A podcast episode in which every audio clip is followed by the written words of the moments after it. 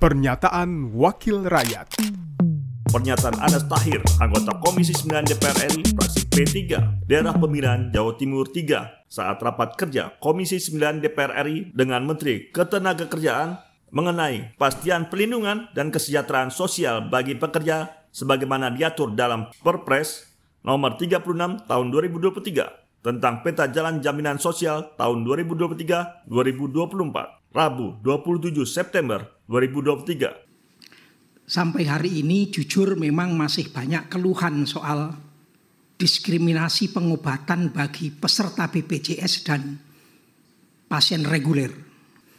Walaupun sebenarnya sudah mengembirakan dibanding 3-4 tahun yang lalu di mana keluhannya sangat tajam hari ini cenderung jauh lebih menurun.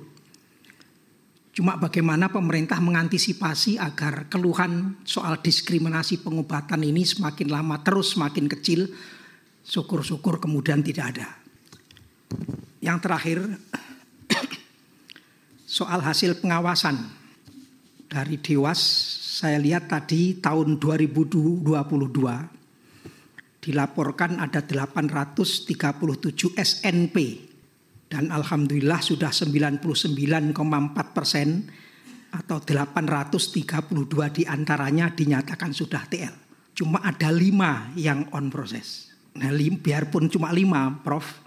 Kalau ini persoalan-persoalan serius, persoalan urgen, persoalan besar, tentu harus juga terjawab karena masih on proses. Padahal sekarang sudah akhir tahun 2023 Sementara pada tahun 2023 sendiri cuma menyisakan satu, Pak.